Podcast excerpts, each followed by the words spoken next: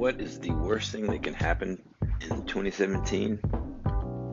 A power outage that takes out your wireless router and your modem.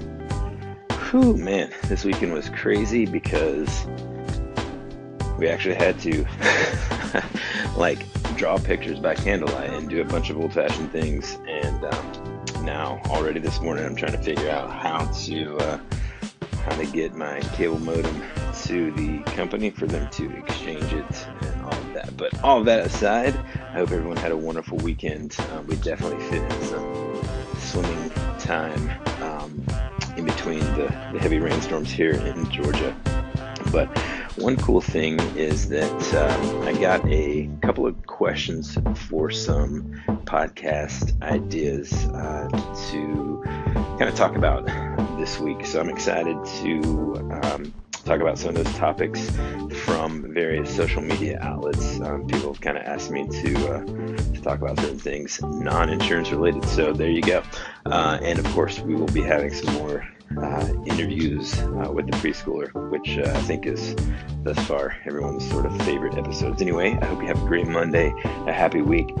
if you're listening to this from Anchor, which I highly recommend. That means you're going to be able to hear the songs that I include in between episodes.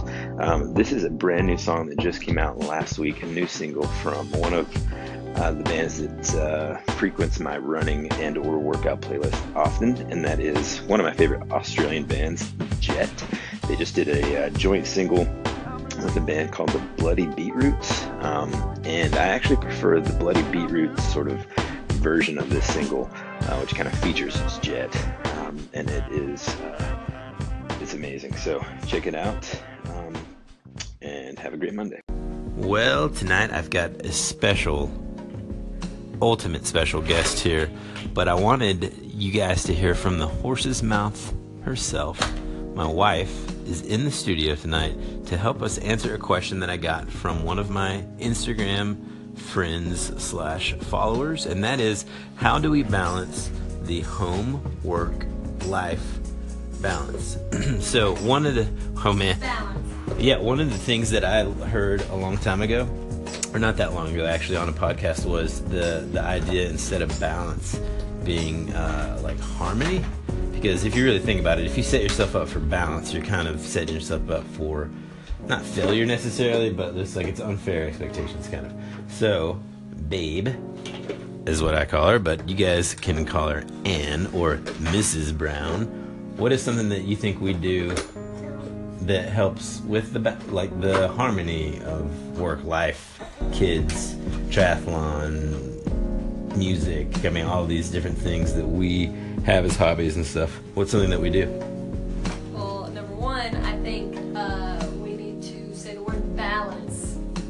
more time did i say it a lot of times i don't know maybe you didn't but i thought you did oh. okay anyway i just think you have to suck it up and deal with it with the triathlon stuff. You make your husband do everything triathlon related before the children are awake. That's right. So I think the the takeaway all of that is that I said balance a lot and also that the real key is just setting up those expectations as you go into um, a season of goal setting and, and all of that. And here at the Brown House, we, we always have big goals and things that we're always trying to achieve.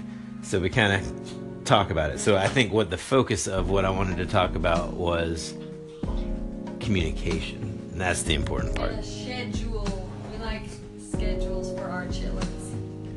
So we like to have a schedule for our kids. We like to have a schedule for us.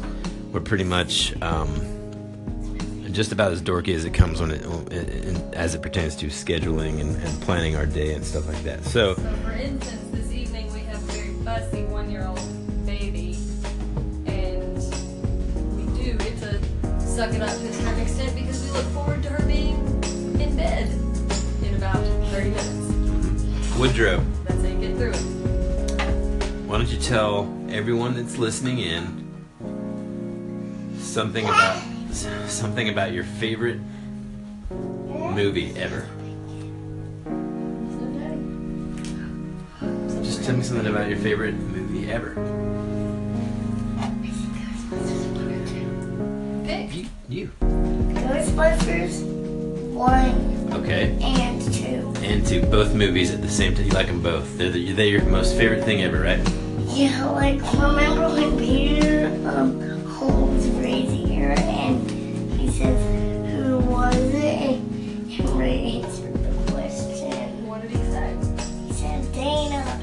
And Peter was like, Oh, that's from Ghostbusters 2. Awesome. Well, anyway, good evening to everyone. And I think, again, just kind of circling back, the key to the work life, sport, and any kind of balance, or, or harmony, really, I think, in my opinion, is just communication and, um, you know, being open to the idea that if your partner, your wife, your boyfriend, your girlfriend, your husband, uh, your roommate, your boss, whoever it is that you're trying to maintain that harmony with, um, tells you that you're kind of focusing too much on one thing, they need to kind of back off and figure it out. So, good night from the Brown House, and we hope you live in harmony. Take it easy.